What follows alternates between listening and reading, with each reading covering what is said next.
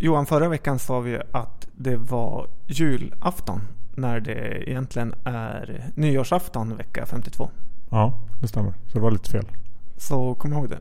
Välkomna till Börspodden avsnitt 52. Precis, med mig John Skogman. Och mig Johan Isaksson. Vi samarbetar med Avanza Bank. Såklart.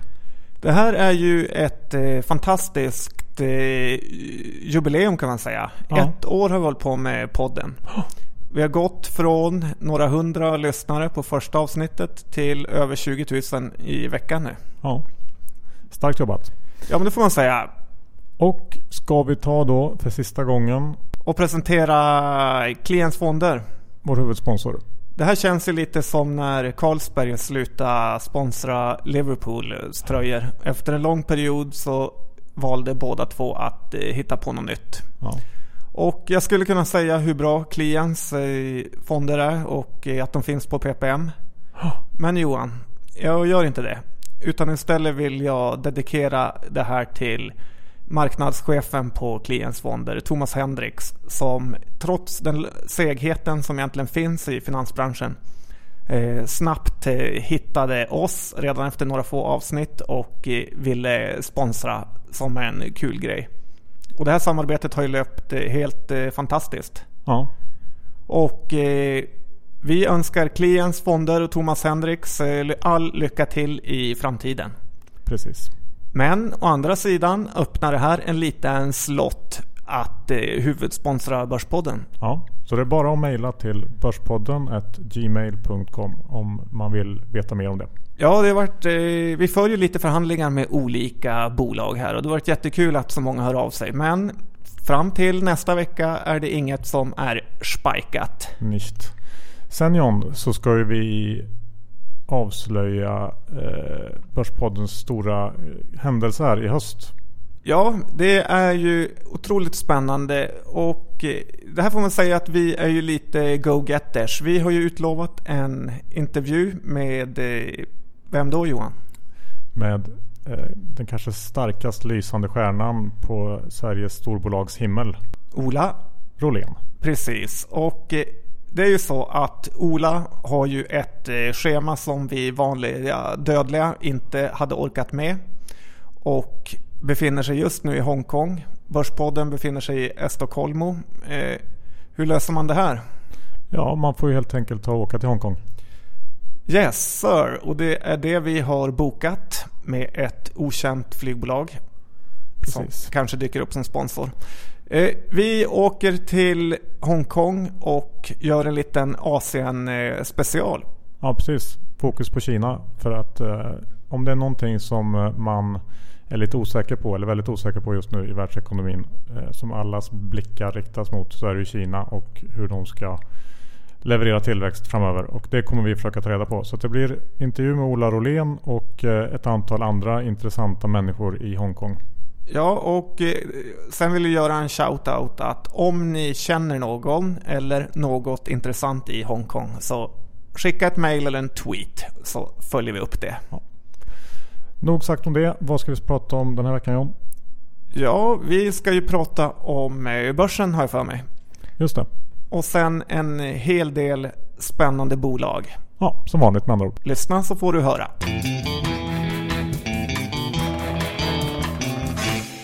Johan Isaksson, vi har index på 1396.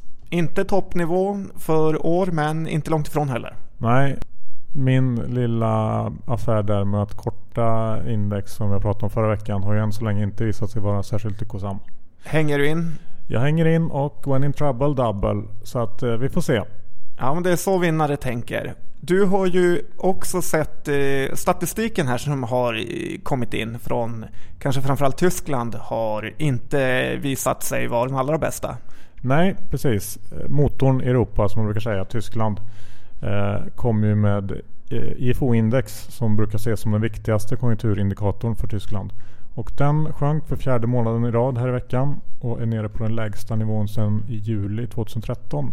Och det är väl inte helt bra att eh, Tyskland börjar sakta ner samtidigt som eh, Frankrike och eh, Italien sjunker in i recession igen. Nej, det är ju lite svajigt. Kan det ha något med Russia att göra eller? Det kan det säkert ha, eh, absolut. Men eh, oavsett så är det väl, eh, man ska nog inte ha för höga förväntningar på den europeiska konjunkturen närmsta halvåret tror jag. Sen räntorna har vi pratat om hur låga de är. Ja, precis. Och det är väl en effekt av det här att man tror att Draghi och ECB snart ska komma med någon typ av QE-paket. Men eh, det var lite kul att se när här i veckan att Spaniens tioåriga ränta var, handlades faktiskt lägre än Norges. Det känns ju lite konstigt. Ja, jag skulle ju hellre låna ut pengar till Norge om man säger så. Men eh, ja, så kan det bli när eh, centralbanker är inne och petar lite väl mycket i marknaden. Generellt så tycker jag att det är en ganska tydlig trend runt om i världen eh, när man ser på, på de eh, obligationsräntor, vad de handlas till. Att det sätts nya lows precis hela tiden och eh, den här lågräntemiljön är ju väldigt tydlig om man säger så. Bra för Stockholms bostadsmarknad. Mycket bra. Eh, sen en sak som har flygit under radarn lite kan jag tycka är det här med eh, bankerna. Ja. Att eh, hur startade vår bankkris Johan? Ja, det var väl lite vidlyftig utlåning i Baltikum va? Och vilka gör Baltikum affärer med? Jo, det är ju Ryssland och eh, Finland. Ja, just det. Så eh, det finns nog litet, litet varningens finger för att det kanske inte är det allra bästa klimatet för våra Baltikumbanker just nu. Det är svårt att säga men jag tycker inte den frågan har lyfts i media riktigt. Nej, jag håller med. Jag har sett några sådana här säljcalls på Nordea just eh, lite på det här, på det här scenariot. Men eh, visst, det kan nog eh, vara värt att titta lite extra på. Sen måste vi komma ihåg att du har ju lagt ut en Twitterbild på Airbnb. Det eh, gigantiska hotellbolaget. Berätta lite. Ja precis, jag var ju nere i Köpenhamn i helgen och eh, firade min syster som tog sin MBA-examen från Köpenhamn Business School. Det var kul. Och när man åker med barn och hela fadrullan då kan det vara ganska skönt att få lite mer utrymme. Så att jag bestämde mig för att titta på Airbnb. Och för samma pris som jag tidigare hyrt hotellrum där så fick jag en 235 kvadrats lägenhet i centrala Köpenhamn som var fantastiskt fin. Och eh, ja, det var verkligen en, en eh, bra upplevelse att eh, hyra genom Air- Airbnb måste jag säga. Var det smidigt med betalning och eh, städning och sådana grejer? Ja, det var grymt, grymt smidigt faktiskt. Allting fungerar utan problem. Och här tror jag faktiskt att hotellbranschen får sig en, en riktig utmanare. Och eh, själv så kommer jag ju fortsätta med Airbnb när man är på framförallt storstadssemestrar så tycker jag att det är perfekt. Man får också det här att man bor kanske på lite nya ställen som man inte skulle bott på annars, eh, nya områden. Och får lite mer känslan av hur det är att vara en, i det här fallet då, Köpenhamnsbo. Dansk. Rökte du mycket? Ja, ganska mycket. Nej, gjorde jag såklart inte. Men på tal om det så är ju e-cigaretter enormt stort i Danmark och Köpenhamn. Man ser sådana här eh, butiker som enbart säljer e-cigaretter i, ja, lite här och där faktiskt. Och eh, det verkar slå igenom ganska stort där. Ja, det har ju varit stort i USA men att eh, i Danmark som är ett litet rökigt land eh, är näst på tur var kanske inte jätteoväntat. Nej, men det kanske är en liten trend där i, i att man börjar gå åt det lite mer hälsosamma hållet i Danmark som annars varit känt för ja, just röka och kröka kanske. Men jag såg även att... ehm, Och pöka. Ja, det kan jag inte uttala mig om hur trenderna går. Men, men eh, när det gäller ekologisk mat och miljövänlig mat och sådär. Så såg jag också att det var väldigt eh, starka trender i Köpenhamn. Eh, till exempel den här butikskedjan Irma hade ett väldigt stort utbud av ekologisk mat. Och många kaféer som kör på vindkraft bara och ja, hela det här köret. Så det är också en trend som det känns som att den har gått lite längre i Danmark. Ja, spännande. Vad har du tittat på då John? I USA har du kollat lite? Ja, jag gillar ju USA och eh, deras marknad. Jag har tittat på att Bank of America som är den gigantiska banken där och fick 17 miljarder dollar i skadestånd. Vilket är välkänt vid det här laget. Men det är tre årsvinster och eh, man förstår ju att den här subprime-krisen och vad de höll på med i utlåning att eh, för att få sådana här böter så har man ju gjort rätt eh, dåliga saker med. Ja, Och eh, ja, det är intressant att The Feds håller koll på dem.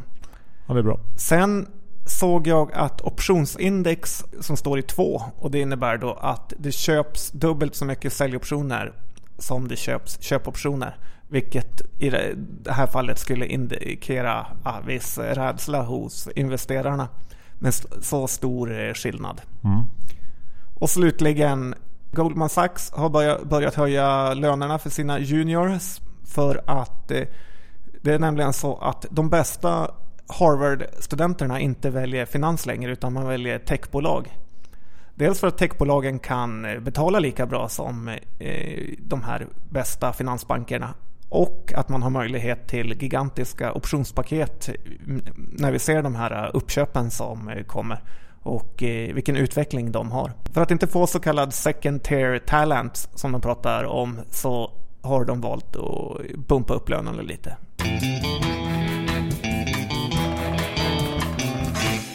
Johan Isaksson, det har kommit rätt mycket rapporter här de sista dagarna av eh, diverse bolag. Ja.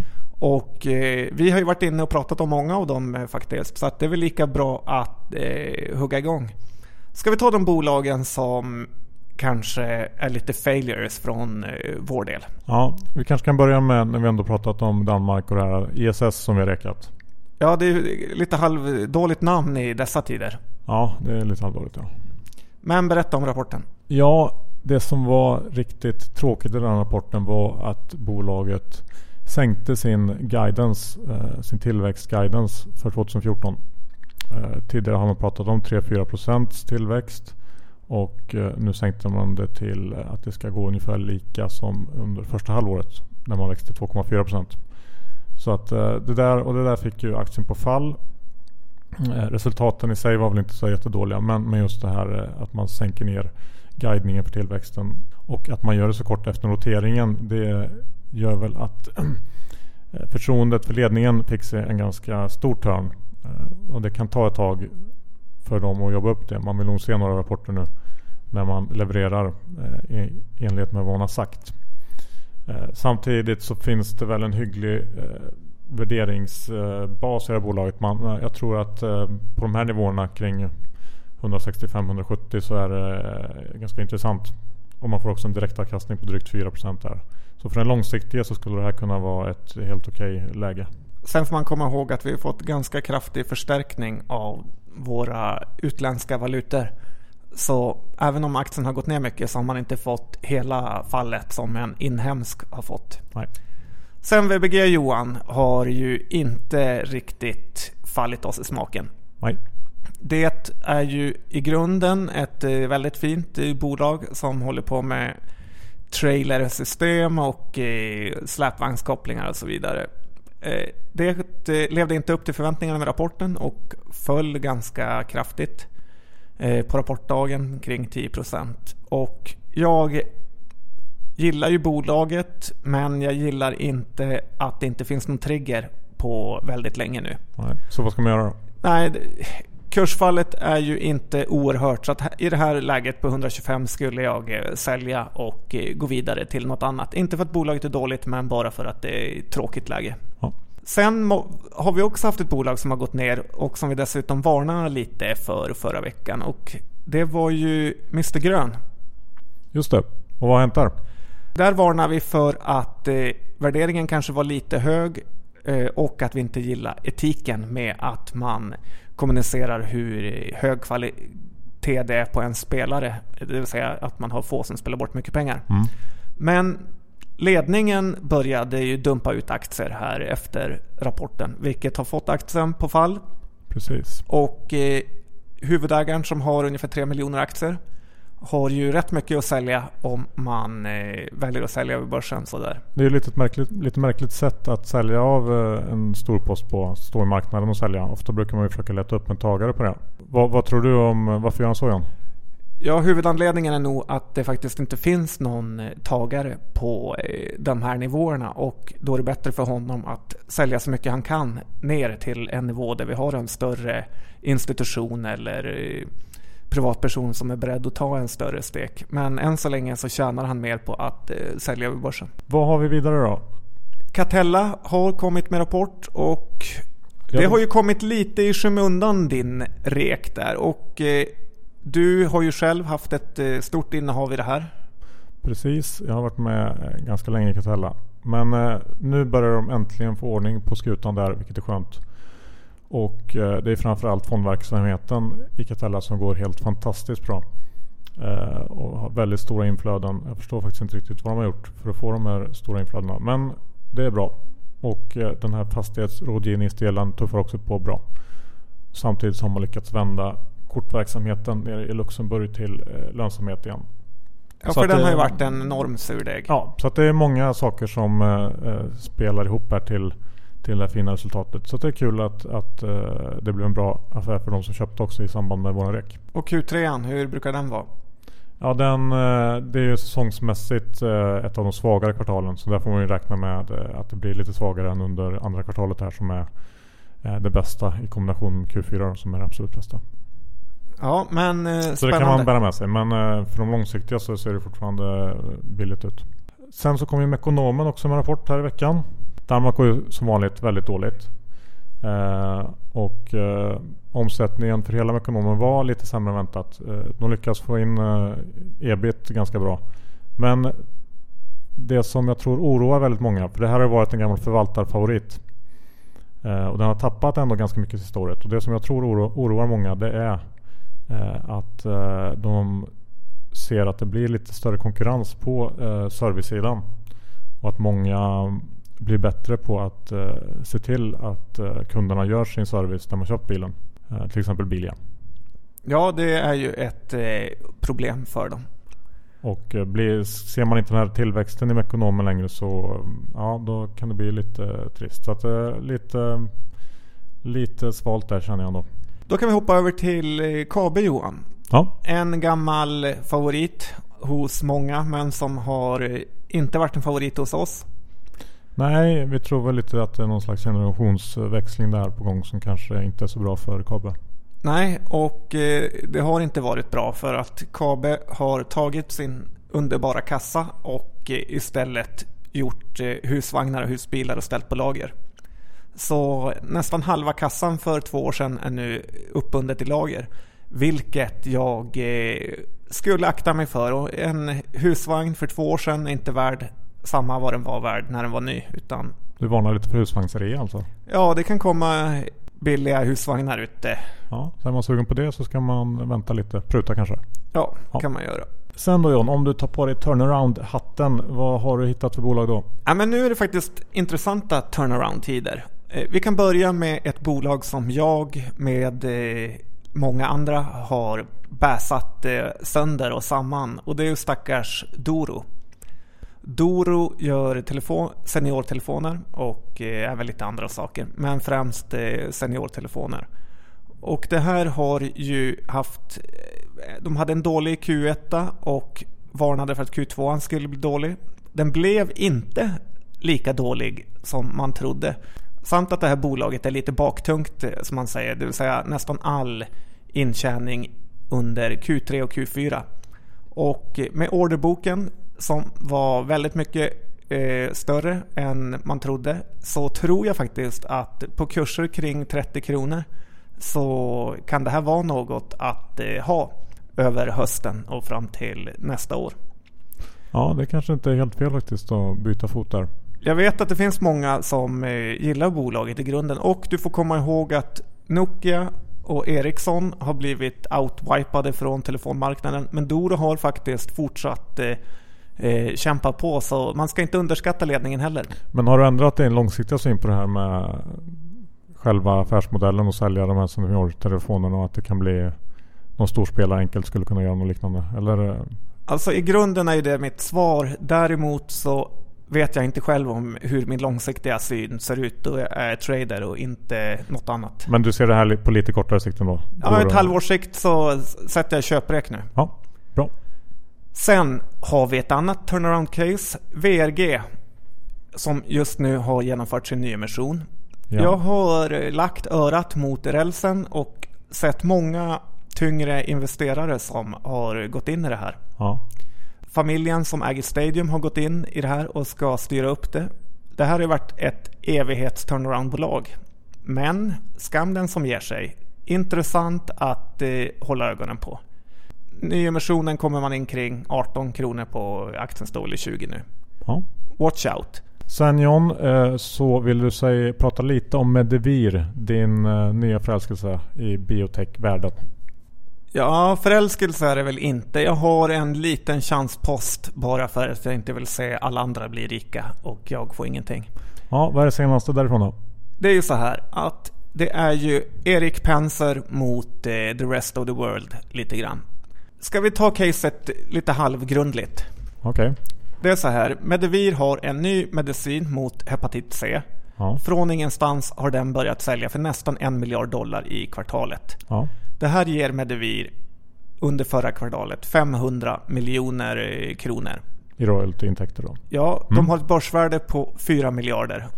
Det här går ju inte ihop då att eh, det innebär att Medivir skulle i princip tjäna ihop halva sitt börsvärde på ett år. Ja, men vad är det då som eh, marknaden är orolig för John? Jo, det är ju så här att inom kort, det här eller nästa kvartalet, kommer en ny, ännu bättre medicin än Medivir har. Mm. Och då är 10 000 kronors frågan om Medivir kommer att eh, kunna behålla någon typ av försäljning med så kallad prisdifferentiering. Mm. Eller om eh, större delen kommer att eh, försvinna. Mm. Blankarna å sin sidan tar argumentet att när Medivir kom in på marknaden så slog den ut sin konkurrent ordentligt. På ett kvartal försvann den, för, alltså konkurrentens försäljning, med 96 procent över ett kvartal. Ja. Om det här händer med Devir så är det ganska stor chans att blankarna får rätt. Ja. Om de däremot kan behålla en mindre del av sin försäljning för Just nu har de en marknadsandel på 25% och det skulle räcka med betydligt lägre andel för att försvara börsvärdet på den här nivån. Mm, ja, men jag förstår. Ja, och sen hade du någon liten extra kick här på slutet John. Vad var det? Ja, det är ju så här att Erik Penser har i år köpt 2 miljoner aktier i princip i Medivir. Ja, det är modigt. Ja, det är väldigt modigt. Det finns... Och det tvingar mig att kolla hur stor andel de egentligen har kommit över. Och det är så att det, det finns 30 miljoner aktier i Medivir och Erik Penser har köpt två av dem. Mm. Vi säger att de har haft aktier tidigare också och att de kanske fortsätter köpa. Det innebär att de är på väg att komma över en så kallad corner. Mm. Det i sin tur innebär en massa spännande saker. Eller hur Johan? Du som är analytiker, vad kan det innebära? Ja men precis, då kanske man kan kalla till, till extra bolagsstämma. Ja, det kan man göra. Och vid bolagsstämmor, vad vill man göra då? Ja, då vill man ju rösta för sina aktier. Precis, och då är det möjligt att de som har lånat ut aktier återkallar lånen vilket kan skapa kaos i, hos blankarna. Ja, det är en lite spännande tanke. Det här är ju såklart eh, vilda spekulationer men det har hänt konstigare saker. Ja, det, vi får se där. Det får vi återkomma till. Och John, avslutningsvis. Öresund är ute efter ny VD. Fredrik Revelius sa oväntat upp sig och eh, Kviberg pratade här i en kort intervju att eh, det var en ny VD på gång. Han kommer utifrån men de har jobbat tillsammans förut. Konstigt att det är oväntat men en ny är på gång. Ja, lite. Jag gissar på Storåkers kanske. Vad tror du om det? Ja, intressant. Förklara dig. Nej, men jag, dels så har de jobbat tillsammans tidigare och jag har en liten känsla bara av att uh, Storåkers inte riktigt uh, är klar med hetluften. Att han inte är helt nöjd med att stå i bakgrunden och hålla på med lite anonyma investeringar. Och att han skulle kunna tänka sig att komma tillbaks. Vad tror du? Ja, jag hoppas det. Han är en fantastisk finansman så han vill ha tillbaka. Ja.